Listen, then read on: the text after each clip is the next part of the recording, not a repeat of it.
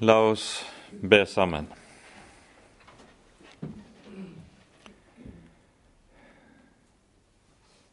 Kjære Hellige Herre, trofaste Gud. Vi takker og lover deg for all din godhet imot oss. Takk, Hellige Herre, for at når du samler oss om dine ord, så er det fordi du selv vil ha oss i tale. Og derfor ber vi deg, Herre, kom du, vær hos oss med din Hellige Ånd, slik at vi må få ha lys i dine ord til å forstå hva du, Herre, taler. Vi ber deg, gode Hellige Gud, fri oss og frels oss fra alt det som vil lukke ørene våre, alt det som vil lukke hjertene våre, så vi ikke hører. Og kom, Herre, i stedet og gi oss den stillhet der du får ordet alene. Herre, forbarm deg over oss. Forbarm deg over oss. For Jesus skyld. Amen.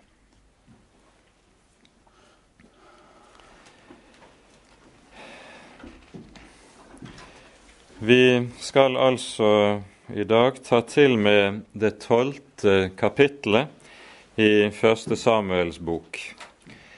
Dette henger på sett og vis meget nær sammen med det foregående ellevte kapittel, der vi hører Sauls kongemakt stadfestes idet han etter å ha blitt salvet av Samuel, så er det at Israel angripes av ammonittene med kongen deres Nahas i spissen, som stiller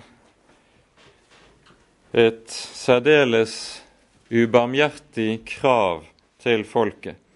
Hvis de vil overgi seg, så vil han pålegge dem den vanære at han vil blinde alle sammen på det ene øyet. Og i sin nød så tilkaller innbyggerne da i Jabes i Gilead, som ligger øst for Jordan, det øvrige Israel om de kan hjelpe. Og så er det Saul fylles med Den hellige ånd og drar ut i striden i spissen for Herrens folk. Og så blir Sauls seier over Nahas hans stadfestelse konge, av kongedømmet. Og så samler hele folket seg da i Gilgal for så å si offentlig å besegle denne stadfestelsen. Mens folket da er i Gilgal ved denne anledning, så skjer det også det som vi nå hører om i kapittel 12 nemlig at samtidig som Saul trer inn i kongeverdigheten og anerkjennes som konge av hele Guds folk, så fratrer Samuel sitt embete som dommer over Guds folk. Og det er det vi hører om i det tolvte kapittelet. Og Vi leser nå fra vers 1 og noen vers utover. Da sa Samuel til hele Israel.: Nå har jeg lydd dere i alt hva dere har sagt til meg, og satt en konge over dere. Så har dere nå kongen til fører for dere. Men jeg er gammel og grå, så dere nå også har mine sønner blant dere. Jeg har vært fører for dere fra min ungdom like til denne dag. Her står jeg. Vitne nå imot meg for Herren og for Hans salvede. Er der noen jeg har fratatt hans okse eller hans asen? Er der noen jeg har gjort urett mot eller har undertrykt? Er det noen jeg har tatt imot gaver av, så jeg skulle lukke mine øyne til for noe? Om så er, vil jeg gi dere vederlag for det. De svarte, Du har ikke gjort urett mot oss, og ikke undertrykt oss og ikke tatt imot noe av noen. Da sa han til dem, Herren er vitne mot dere, og Han salvede er vitne på denne dag, at dere ikke har funnet noe hos meg. Folket svarte, Ja, han er vitne. Da sa Samuel til folket, Ja, Herren er vitne, Han som lot Moses og Aron stå frem, og som førte deres fedre opp fra Egyptens land. Kom nå frem her, så vil jeg gå i rette med dere for Herrens åsyn om alle Herrens rettferdige gjerninger, som Han har gjort mot dere og deres fedre. Her stanser vi foreløpig. Det som nå altså skjer i samband med at Samuel trer ned, det er at hele dette avsnittet som vi har for oss i kapittel 12, her minner Samuel folket om hvilken synd det er de har gjort ved å kreve en konge. Vi har vært inne på tidligere at det som var det alvorlige med kravet om å få en konge over seg, det var først og fremst ikke begjæringen i og for seg om å få en fyrste over Herrens folk. For det sies en rekke ganger tidligere i Mosebøken at Herren lover dem en fyrste, en salvet fyrste, når tiden er der. Men det som er det gale, det er begrunnelsen for kravet om å få en konge. Nemlig det som vi hører sies to ganger i det åttende kapittel, når folket sier vi vil være som alle de andre folk. Med en slik begrunnelse for kravet så blir alt galt allerede i utgangspunktet. Men Herren lar altså Samuel utpeke den som Herren kaller til det og oppreiser til det. Og så er det at Herren selv nå har stadfestet Sauls kongeverdighet. Og Nå skal vi legge merke til da to ting som det dreier seg om i avsnittet vi har lest. For når Samuel nå minner om å gå i rette med folket, så vil han så å si frata folket enhver unnskyldning som de måtte ha når det gjelder kravet om konge. Han stiller først folket spørsmål når det gjelder hans egen gjerning som dommer. Har dere noe å utsette på min dommergjerning? Har jeg tatt imot bestikkelser? Har jeg undertrykt noen? Har jeg brukt min stilling til egen vinning? Og folket stadfester og bekrefter at Samuel har vært rettferdig i hele sin gjerning gjennom hele sitt virke. Folket kan altså ikke skylde på at Samuel har gjort urett i sin gjerning og i sin tjeneste, og bruker det som påskudd for å kreve en konge. Dernest så går altså Samuel i rette med folket. Har Herren latt dere mangle noe? Har Herren ikke vært trofast og sørget for dere alltid, like fra den dag han førte dere opp fra Egyptens land? Det er det han så spør folket om i den talen som følger fra vers syv av og utover. Har Herren sviktet dem på noe område, og at de av den grunn skulle trenge eller kunne kreve en konge? Nei, så er heller ikke tilfellet. Rett nok, når de har falt i synd, så har han tuktet dem. Men når de vendte om, når de kalte på ham, når de ropte til ham, så var han der som deres trofaste frelser, som fridde dem ut av all nød. Om de var svake, så var Herren sterk. Om de var falt aldri så dypt, så reiste Herren dem opp igjen i sin trofasthet. Dette minner Samuel folket om nå. Så de kan heller ikke bruke noe av Guds førelse som unnskyldning eller påskudd for dette urettferdige krav som de har stilt til Herren. Og så hører vi Vi hopper nå ned til vers 13. Her er nå kongen som dere har valgt, som dere har bedt om. Herren har satt en konge over dere.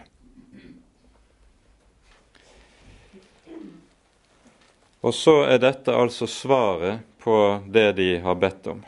Men vi legger merke til måten Samuel ordlegger seg på i dette verset. Her er kongen dere har valgt, som dere har bedt om. For det som viser seg nokså fort i Sauls kongsgjerning, er nettopp dette at Saul er kongen etter folkets hjerte. Ikke kongen etter Guds hjerte. Til det må det en annen til. For i fortsettelsen, i de kapitlene vi nå skal inn i, så ser vi hvorledes Saul nokså tidlig blir stilt på prøve i sin kongsgjerning. Denne prøven, og slik er det jo med all prøve når det dreier seg om et, en gjerning i Herrens tjeneste, prøven vil tjene til enten om den blir bestått og tjene til stadfestelse, eller om den ikke blir bestått, så vil den tjene til nedrivelse. Og vi vil se hvorledes dette slår ut for Sauls, vedkommende i det som kommer. Poenget er nå at Saul er kalt av Herren. Han er oppreist av Herren. Og vi hørte sist gang om hvorledes han også, etter å ha vært salvet av Herren, mottar Den hellige ånd som utrustning for den tjeneste Herren kaller ham til. Så fra Herrens side mangler Saul ingenting på det å kunne utføre gjerningen slik Herren kaller ham til. Fra Herrens side skal ikke Saul savne noe. Og dette er viktig å være klar over. Når derfor Saul kommer på fall, så har han utelukkende seg selv å laste.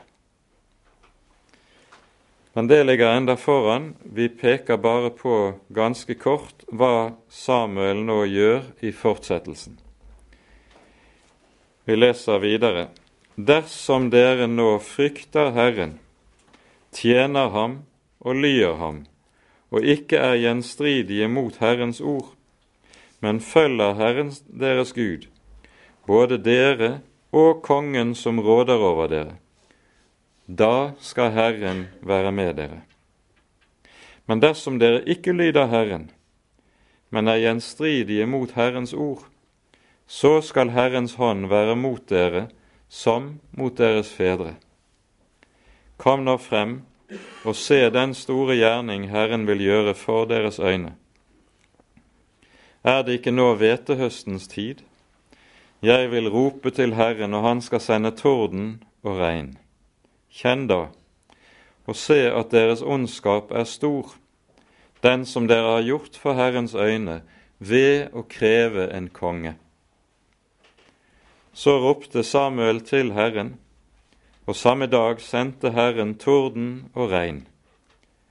Da ble alt folket grepet av stor frykt for Herren og for Samuel. Og alt folket sa til Samuel, Be for dine tjenere til Herren din Gud. så vi ikke skal dø, fordi vi til alle våre synder har lagt den misgjerning å kreve en konge. Da sa Samuel til folket, frykt ikke, dere har gjort alt dette onde, men vik nå bare ikke fra Herren, men tjen Herren av hele deres hjerte. Vik ikke av, for da måtte dere følge de tomme avguder som ikke kan gagne og ikke redde, fordi de er bare tomhet. For Herren vil for sitt store navns skyld ikke forlate sitt folk, siden Herren har funnet for godt å gjøre dere til sitt folk. Men jeg, det være langt fra meg å synde mot Herren, ved å holde opp med å be for dere, og jeg vil lære dere den gode og den rette vei. Frykt bare Herren, og tjen ham i sannhet av hele deres hjerte. Se hvor store ting Han har gjort for dere. Men gjør dere det som ondt er, da skal både dere og deres konge bli bortrykket. Det ser ut til at nå når Samuel altså trer ned, trer tilbake fra sin dommergjerning, da Først er det ved det tegn som her skjer, at folket erkjenner hva slags synd det er de har gjort ved å kreve en konge. Det at det kommer regn og torden i hvetehøstens tid, det er i Israel helt naturstridig. Hvetehøsten var i Israel normalt i mai, begynnelsen av juni måned. Og da var regntiden for lengst over. Hele perioden fra april til gjerne ut til slutten av oktober, så er det normalt da ikke en sky på himmelen. Det er sommerheten som råder. Så at det da kommer regn på denne måten på Samuels bønn, det er et tegn som folket meget vel forstår. Og Så vekkes det altså for første gang erkjennelse av den synd som folket har gjort. Og de ber om Samuels forbønn, forbønn om nåde, forbønn om at han vil be til dem at Herren ikke må vende seg fra dem. Og det lover Samuel å gjøre. Og Her ser vi et trekk hos Samuel som senere i Bibelen omtales ved flere anledninger. Vi leste i vers 23.: Men jeg, det være langt fra meg å synde mot Herren ved å holde opp og be for dere. Samuel var akkurat som Moses en forbeder for Herrens folk i særlig forstand. Og Derfor omtales han et par ganger senere i Skriften nettopp som den særlige forbeder sammen med Moses. Vi hører om det både i Jeremia-boken og i Salme 99. Og Her er Samuel også et forbilde for alle som har lederansvar i Guds folk. Alle som slik har lederansvar, de skulle ha som grunnregel dette det være langt fra meg å synde mot Herren ved å holde opp og be for dere.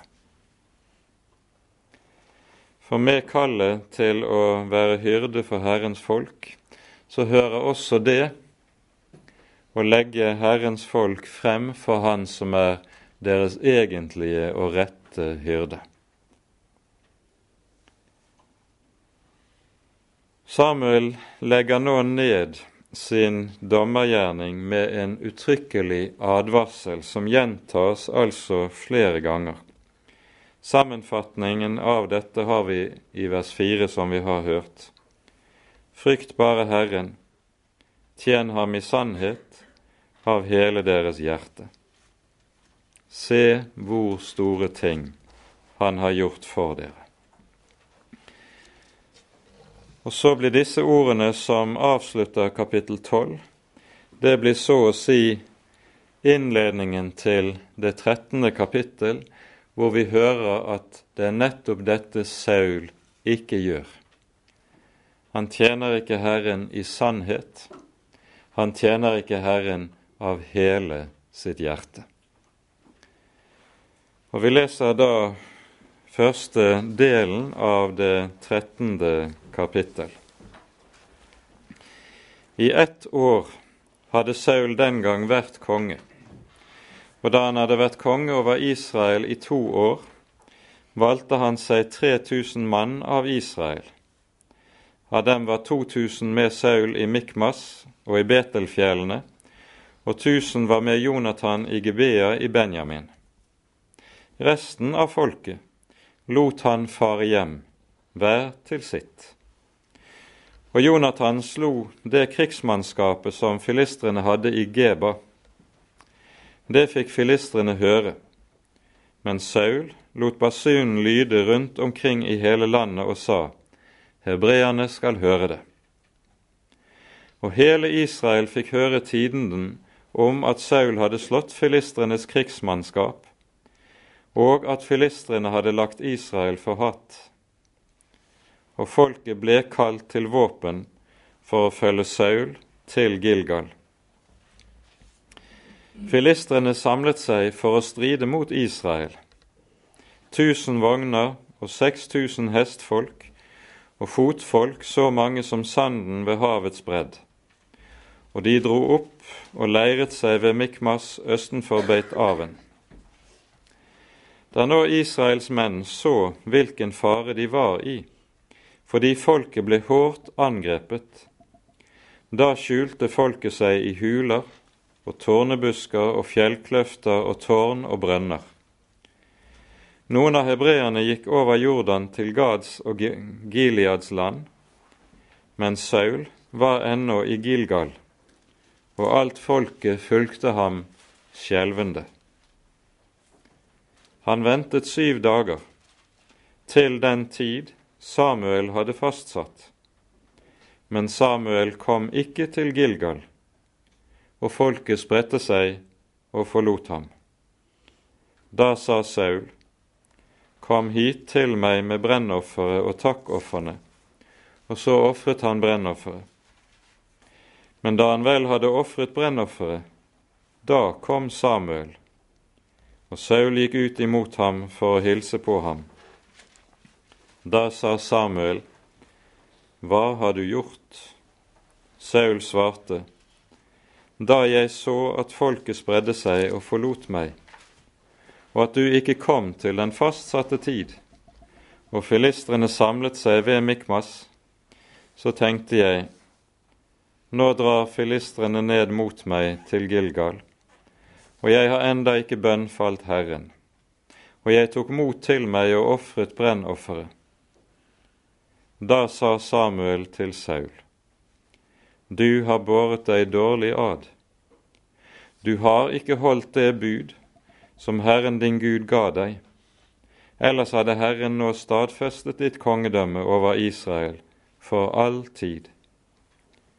Men nå skal ditt kongedømme ikke stå ved makt Herren har søkt seg ut en mann etter sitt hjerte, og ham har Herren utsett til fyrste over sitt folk. For du har ikke holdt hva Herren bød deg.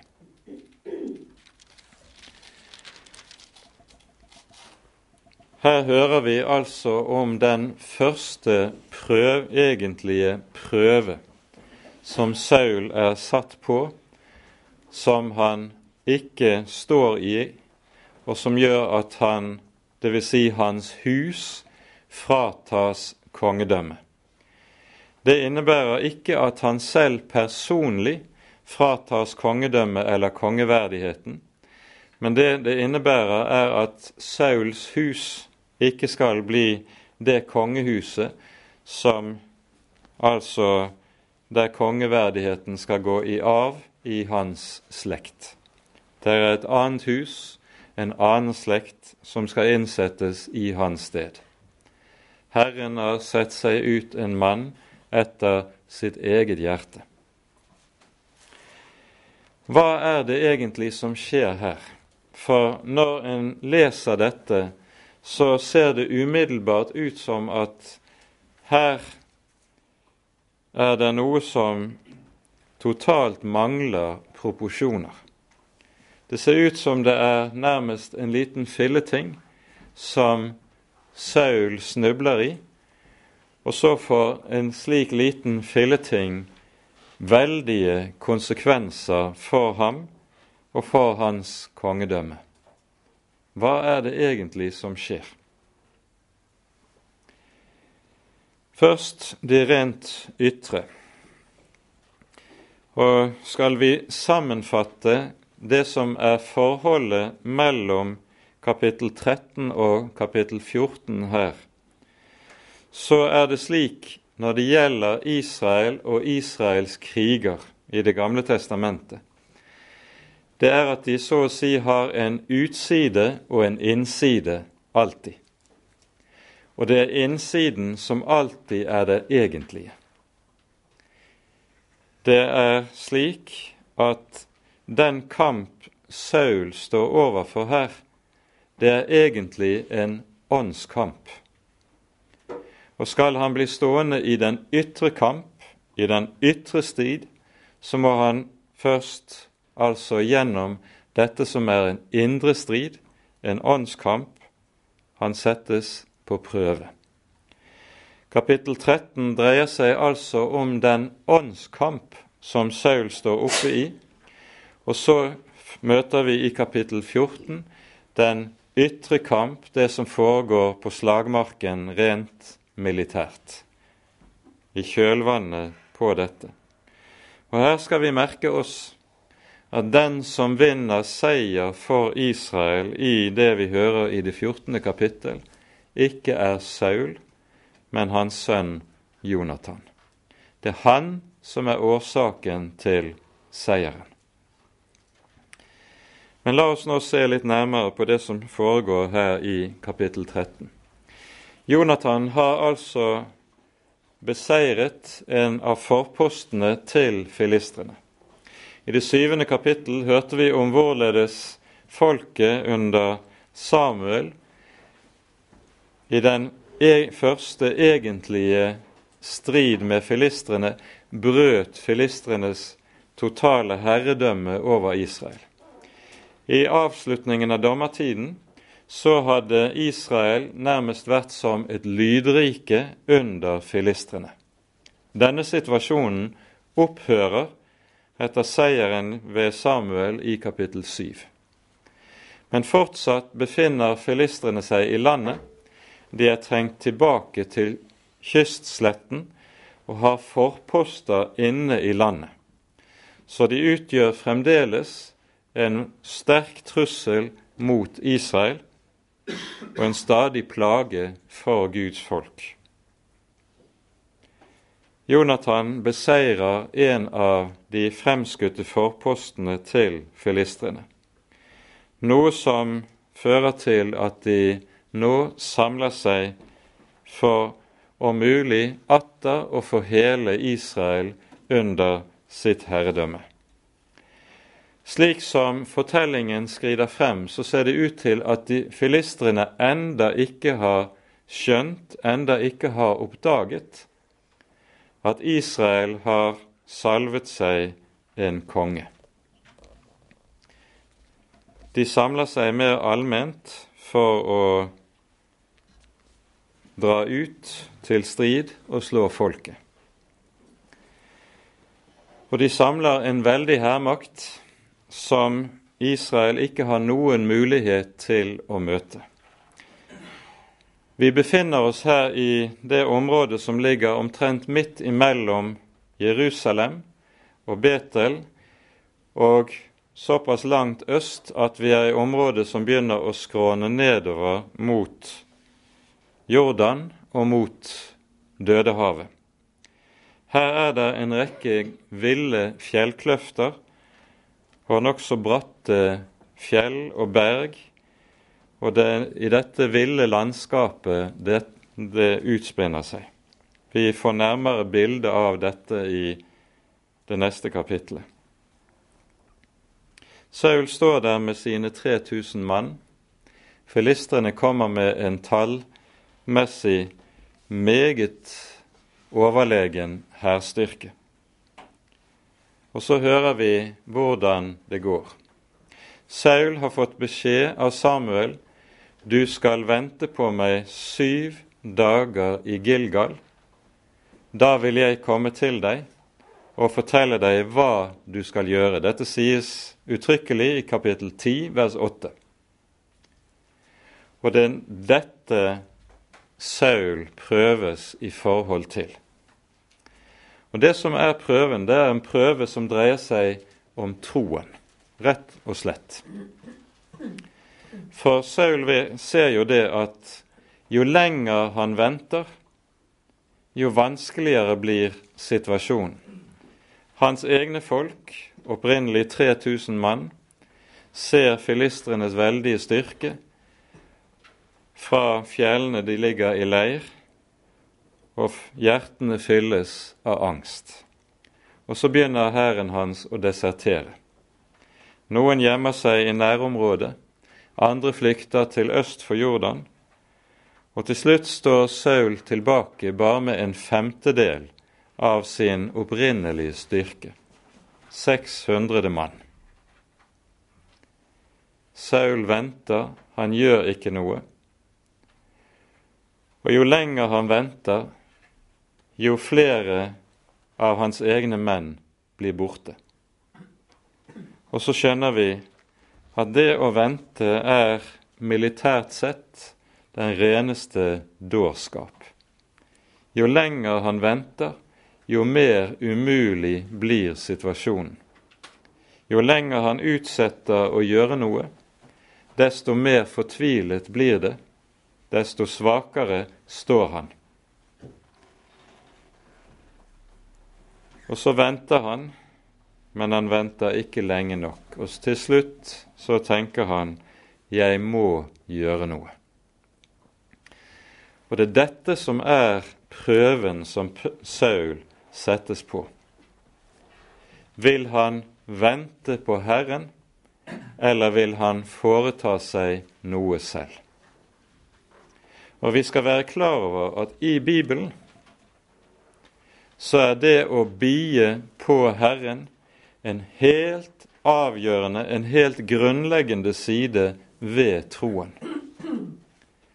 I en sånn situasjon er jo forholdet det En sånn situasjon som Saul er i, da er det jo slik at det er mye enklere å gjøre noe, gjøre et eller annet, enn det å sitte uvirksom og å vente. Og Det har nok vært nok av de røstene omkring Saul som har sagt til han, nå må du gjøre noe. Nå må du foreta deg noe. Hvis du ikke gjør noe nå, så er slaget tapt. Så er spillet ute, og du kan si farvel til Israel og til kongedømmet og alt sammen. Jo lenger tiden går, jo mer svinner håpet. Samuel hadde sagt, du skal vente i syv dager, så vil jeg komme til deg og si deg hva du skal gjøre.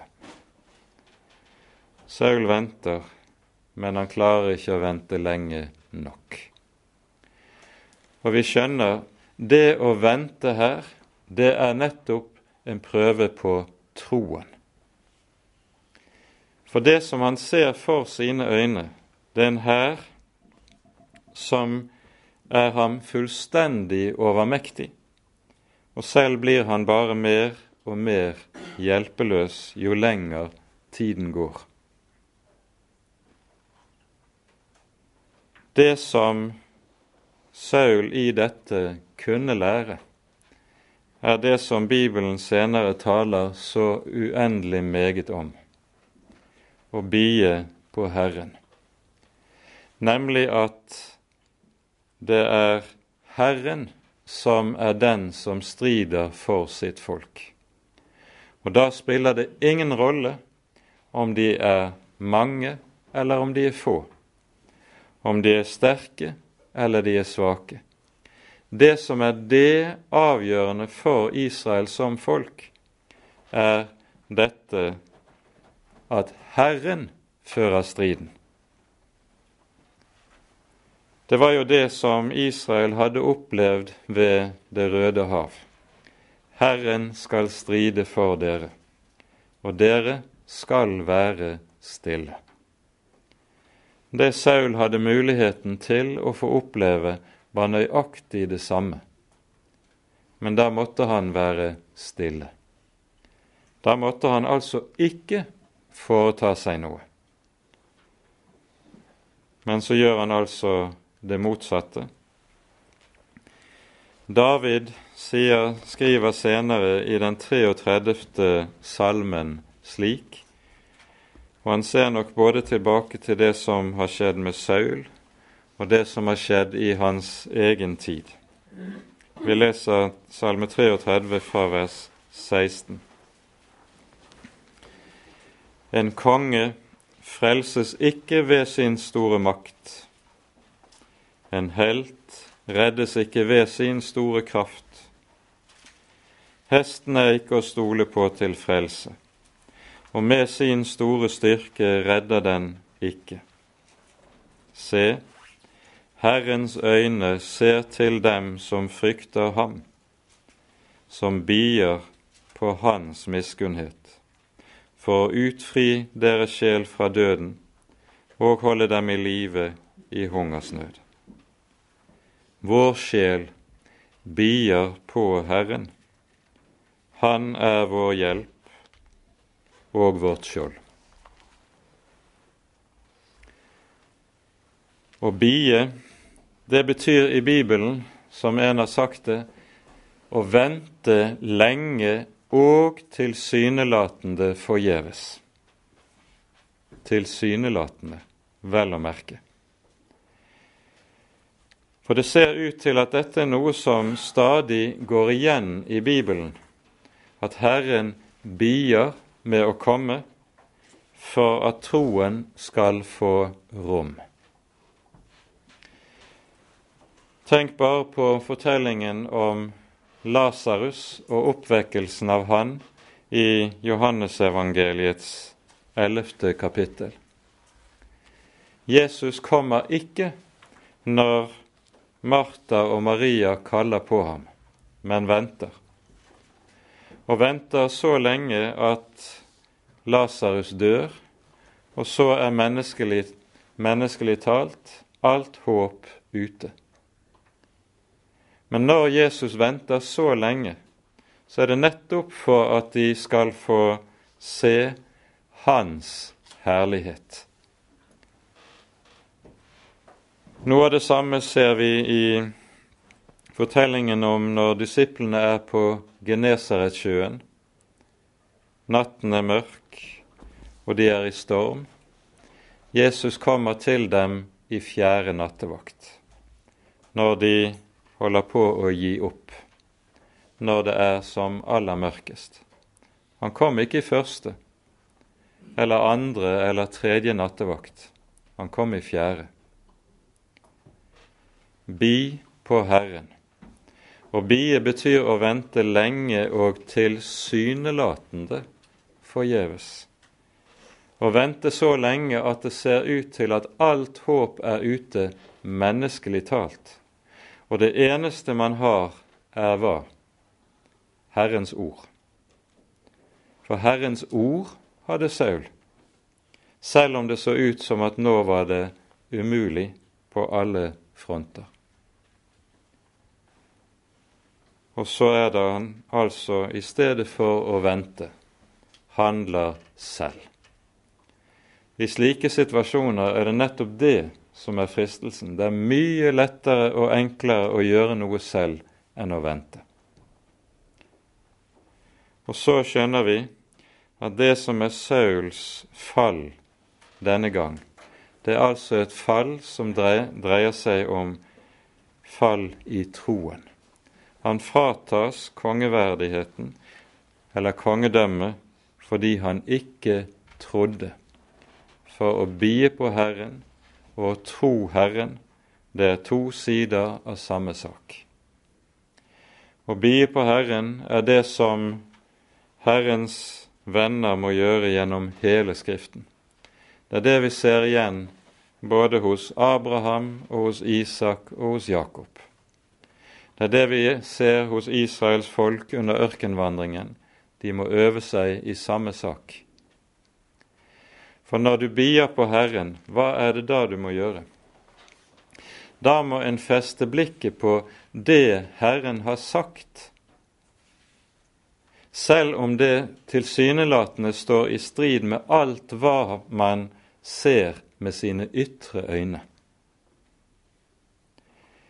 Det i det man slik bier på Herren, så får man øvelse i det å se eller ha blikket festet på det usynlige og ikke det synlige, slik som Paulus uttrykker dette i 2. Korinterbrevs 4.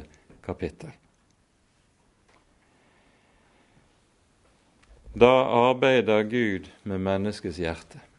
Og det er her altså Saul har sin egentlige kamp. Sauls egentlige kamp er ikke med filistrene, men med troen. Det er en troskamp, og i den faller han. Og så blir det slik at Saul nettopp her viser seg som mannen, kongen, etter folkets hjerte. Han er i dette et speilbilde av det som kjennetegnet Israel i hele denne perioden. Og så får vi høre hvordan Herren sier til ham han har utsett seg en mann etter sitt hjerte, som han vil sette til fyrste over sitt folk. Når vi nå i det neste kapittelet hører om striden mot filistrene, så lykkes denne ene og alene på grunn av sønnen Jonathan, som har gått foran. Vi skal senere i Første Samuels bok tale mer om Jonathan, men vi kan allerede i denne sammenheng peke på at i Jonathan finner vi antagelig en av Bibelens aller edleste skikkelser. Uredd, trofast og mer uselvisk enn noen annen som vi finner i den gammeltestamentlige historie. Jonathan betyr Herrens, Herrens gave, eller Herren har gitt.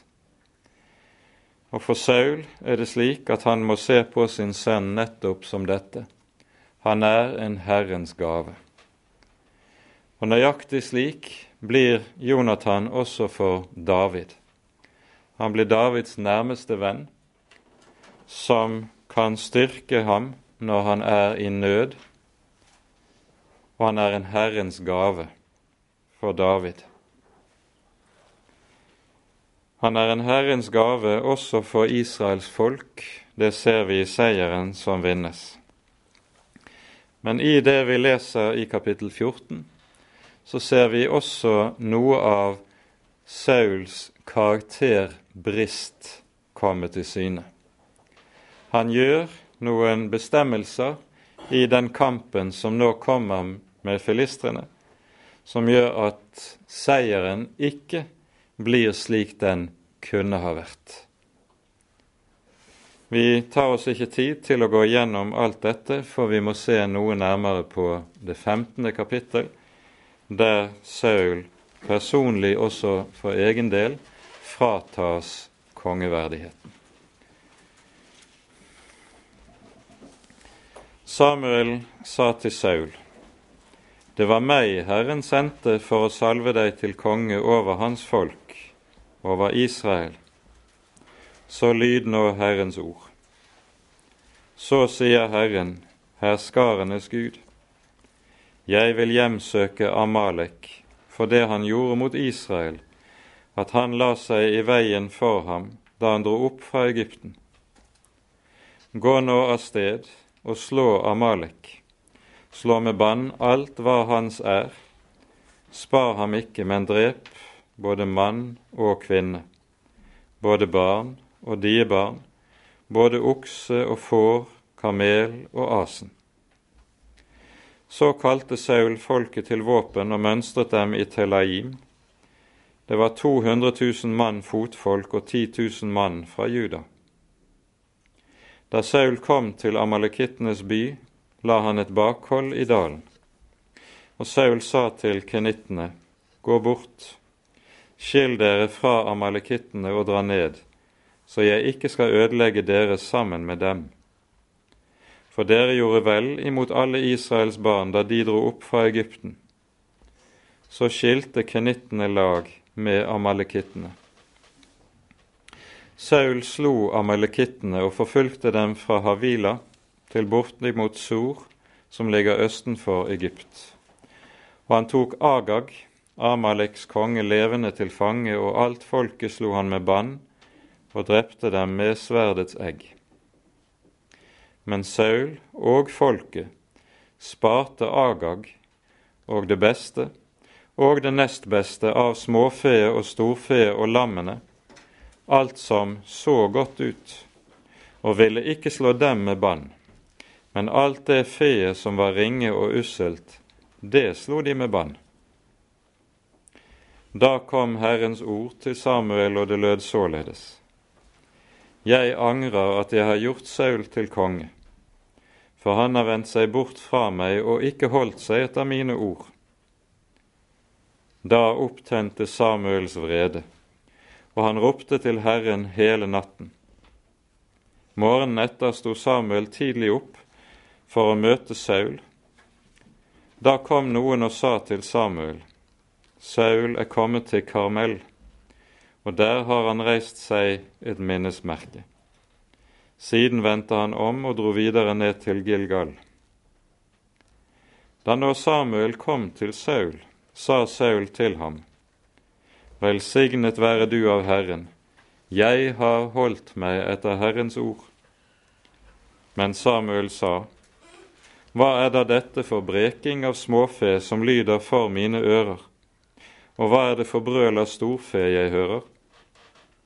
Saul svarte, De har ført dem med fra amalekittene, for folket sparte det beste av småfe og av storfe for å ofre det til Herren din Gud, men resten har vi slått med bann. Da sa Samuel til Saul, Hold opp, så vil jeg forkynne deg hva Herren har talt til meg i natt. Han sa til ham, Tal. Samuel sa, Da du var ringe i dine egne øyne, ble du hodet for Israels stammer, og Herren salvet deg til konge over Israel. Og Herren sendte deg av sted og sa, Gå og slå disse syndere, amalekittene, med bann, og strid mot dem til du får gjort ende på dem.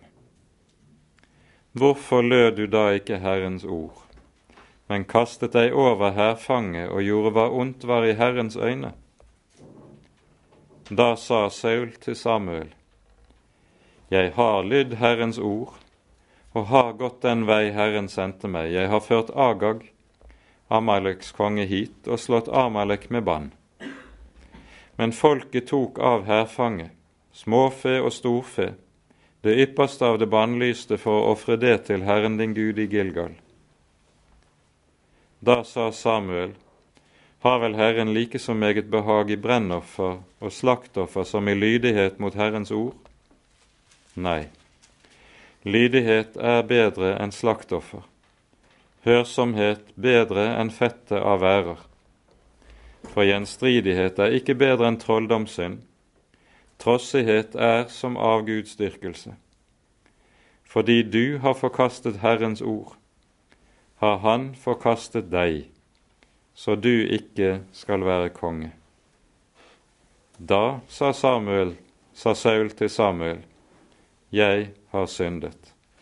Jeg har overtrådt Herrens bud og dine ord, for jeg var redd folket og ga etter for dem.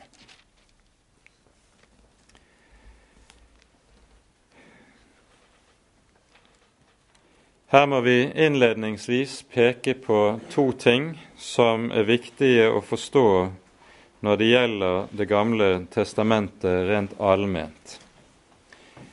For det første når det gjelder Amalek. Det nevnes her som begrunnelse for bannet som Amalek skal rammes av, hvorledes Amalek angrep Israel etter utgangen av Egypt. Det hører vi om i 2. Mosebok 17. Men dette er så å si bare rotsynden til Amalek, som så å si eh, gir oss Amaleks eh, person, karakter, i et nøkkel, eh, i et nøtteskall. For leser vi det som følger i, både i Mosebøkene og fra dommertiden, så er Amalek et folkeslag som hele veien gjennom denne perioden på 400 år som er gått, har lagt Israel for hat og konstant har slått seg sammen med Israels fiender, angrepet Israel på ny og på ny og på ny. Amalek var et eh, nomadefolk eller et beduinfolk som levet av å røve sine naboer. Og ganske særlig var det Israel og det fruktbare Israels land som var objekt for deres angrep.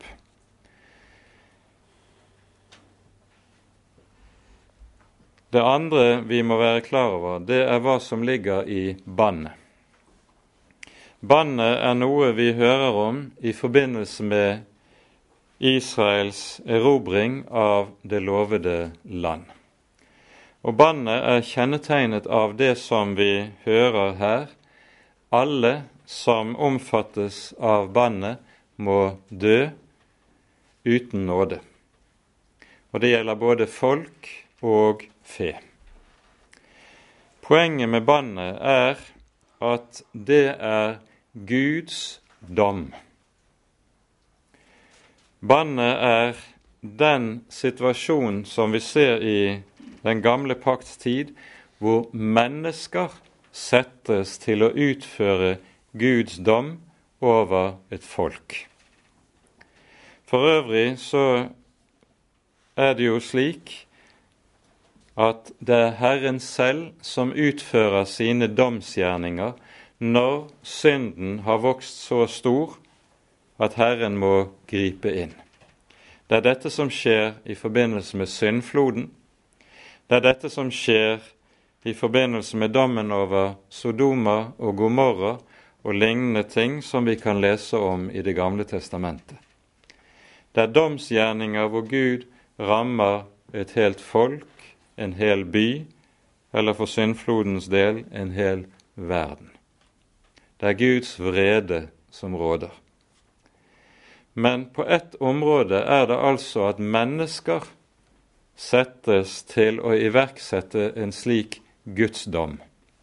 Og det er det som skjer i forbindelse med nettopp bannet. Og det er det som kalles for bannet. Det er det Israel altså må gjøre når de inntar det lovede land. Og det som gjenstår i dette, det er bannet over Amalek, som Saul altså får i oppgave å utføre. Bannet har det med seg at det altså er en Guds dom. Allerede i det 15. kapittel i Første Mosebok lover Herren Abraham at han, Abrahams ett, skal få komme tilbake og innta det lovede land når 400 år er gått.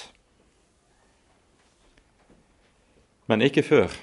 Og så står det som begrunnelse slik For kananittene har enda ikke fylt sine synders mål. Altså, det er først når syndemålet er fullt, at bannet skal iverksettes og Israel får ta kananittenes plass i det lovede land. Det samme understrekes også i 5. Mosebok i det niende kapittel.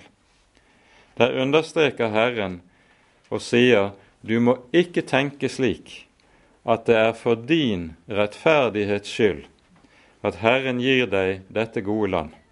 Nei, det er fordi Herren elsket deg og vil holde det løftet han ga dine fedre. Og så kommer det i fortsettelsen på ny. Du må ikke tenke at det er for din rettferdighets skyld, for du er et hårnakket folk. Men når du får dette land, er det for disse folkeslags ugudelighets skyld Herren driver dem bort for deg. Dette understrekes meget sterkt i 5. Mosebok 9. Bannet er altså en uttrykkelig Guds dom over et folk som har fylt sine synders mål. Bannet er en Guds dom som iverksettes og skal iverksettes av mennesker. Og dette er noe av det tyngste som vi leser i Bibelen. Og samtidig er det det som dypest sett er det samme som ble sagt på syndefallets dag. Syndens lønn er døden. Og det hørte altså en helt begrenset periode til i Det gamle testamentet, den perioden da Israel skulle erobre det lovede land, og bannet ble ellers ikke anvendt eller iverksatt senere i Israels historie. Det var kun denne perioden i forbindelse med inntagelsen av landet bannet kom til anvendelse. Når det gjelder bannet, så er dette altså en Guds dom. Og Herren sier uttrykkelig der det skal skje, at folket ikke har lov til å berike seg på det bannlyste gods. De skal altså ikke drive, drives når det gjelder bannet, av personlig hensynet til personlig vinning. At de slår ned dem de er satt til å beseire og drive ut, for selv å berike seg. Derfor sier Herren uttrykkelig at dersom folket tar til seg av det bannlyste gods, så drar de bannet inn over seg selv. De får altså ikke lov til å ha eller besidde noen ting av det bannlyste gods for egen del.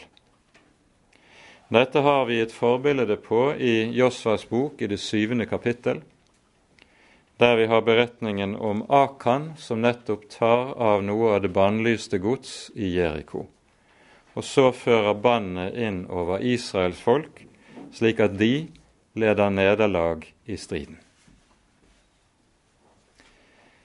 Når Saul nå altså ikke utfører Guds dom sånn som han er blitt foreskrevet, men tar av det bannlyste gods, så fører han dommen innover seg selv, og dommen også innover det Israel han er leder for.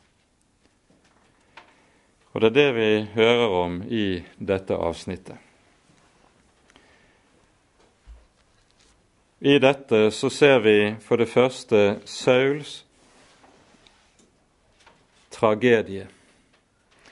Det ble sagt av Samuel, som vi hørte det i kapittel 12, dersom dere frykter Herren i sannhet, da vil Herren ta seg av dere, være hos dere.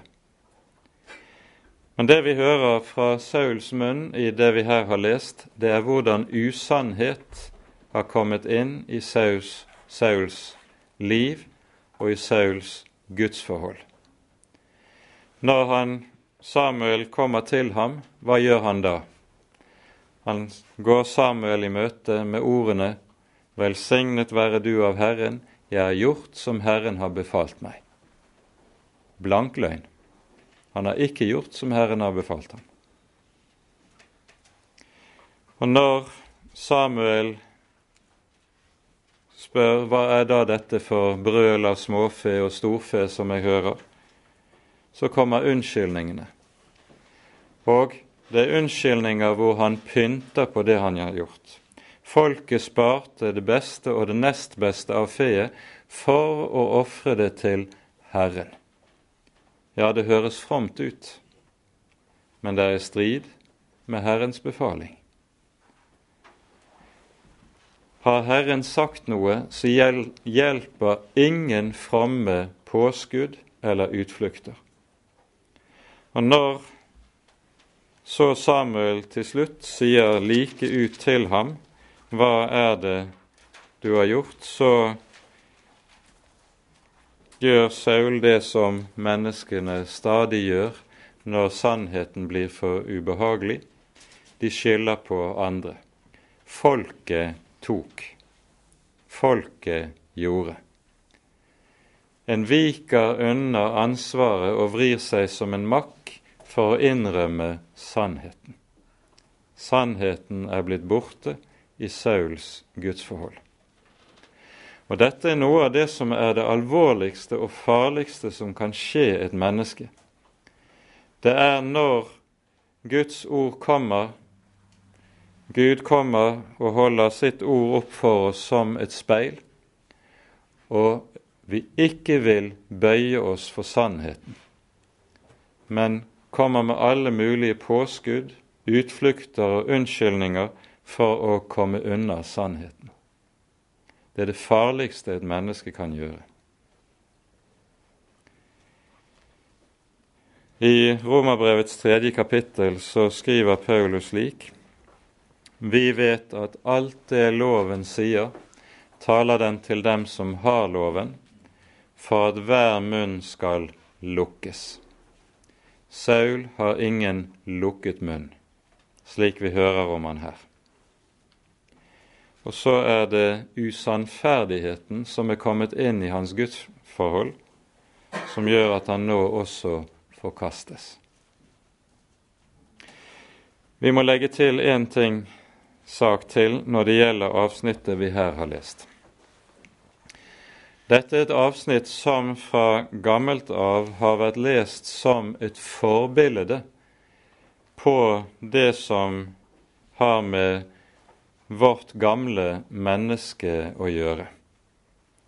For når det gjelder livet med Gud, så er det slik for vår del også når det gjelder vårt gamle menneske, det er også lagt under bann. Det er under dødsdommen. Og så er det slik at når det gjelder dette, har vi lett for å gjøre akkurat sånn som Saul gjorde. Vi sparer det beste og det nest beste. Vi tenker som så ja vel, vi har det i vårt liv som er ondt og stygt, det må vi døde, det må vi overvinne. Men alle de gode sidene hos oss, de kan vel brukes til Guds ære og til å tjene Gud. Og så sparer man det beste og det nest beste. Men her er saken den at når det gjelder det gamle mennesket, så skal alt dø, enten det ser godt eller ondt ut, enten det ser pent eller stygt ut. Det er underordnet. For enten det er det som ser pent ut, eller det som ser stygt ut i våre liv, så hører alt sammen kjødet til. Og hvis vi bruker det som ser godt ut? Saul sparte det som så godt ut. Hvis vi bruker det og tror at vi kan tjene Gud med det, så blir det å tjene Gud i kjød og ikke i ånd. Jesus taler nettopp om dette, at den som elsker sitt liv, skal miste det. Den som mister livet for min skyld, han skal vinne det. Den som hater sitt liv i denne verden, han finner det. hele det gamle mennesket er overgitt til dommen. Men her er det også slik, det ser vi i Guds rike sammenheng, at der hvor en sparer deler av det gamle mennesket, der vil det også være nøyaktig på samme måten som vi hører når det gjelder Saul. Der blir i stedet for stillhet, så blir det larm og uro. Hva er dette for breking av småfe og brøl av storfe som vi hører? I disse sammenhenger i Guds rike hvor det gamle mennesket ikke dødes, der får du nettopp se det slik at der er det støy, larm og uro som vinner innpass, i stedet for den stillhet som hører Herren til. Ordene fra Samuel her til Saul i vers 22 og 23, det er grunnord i Skriften. Har vel Herren like så meget behag i brennoffer og slaktoffer som i lydighet mot Herrens ord? Nei, lydighet, hørsomhet, er bedre enn slakteoffer, bedre enn fettet av værer. For gjenstridighet er ikke bedre enn trolldomssynd. Trossighet er som avgudsdyrkelse. Fordi du har forkastet Herrens ord, har Han forkastet deg, så du ikke skal være konge. Og det ordet som her lyder til sist, det står der som et alvorlig minneord til alle i Guds rikes liv og virke gjennom alle tider. Der hvor Guds tjenere forkaster Herrens ord, der blir de selv forkastet, så de ikke lenger er Herrens tjenere. Og det skulle være et ord også i våre dager, hvor vi møter så mange i Guds rike sammenheng som nettopp åpenbart forkaster og fornekter Herrens ord. Da skal vi vite disse er ikke lenger Guds tjenere, selv om mennesker akter dem for det. De er avsatt av Gud selv. Dette er det store alvoret i dette, for tjenesten i Guds rike har det med seg at den står og faller med forholdet til Herrens ord. Der Hans tjenere forkaster Hans ord, svarer Herren med å forkaste tjenerne. Der Hans tjenere tar vare på Herrens ord, der tar Herren vare på dem og sørger for dem alle dager. Mye mer skulle vært sagt om dette, men tiden renner ut. Og Så ser vi altså med dette at her har vi begynnelsen på Sauls tragedie. Det begynner med en svikt i troen. Han kan ikke bie på Herren, men gjør noe selv. Vi ser i kapittel 14 den personlige svikt kommer inn og så nå i kapittel 15 er det kommet usannhet i Sauls gudsliv. Og det er det egentlige farlige. Her skal vi til slutt minne om ordene i Salme 51.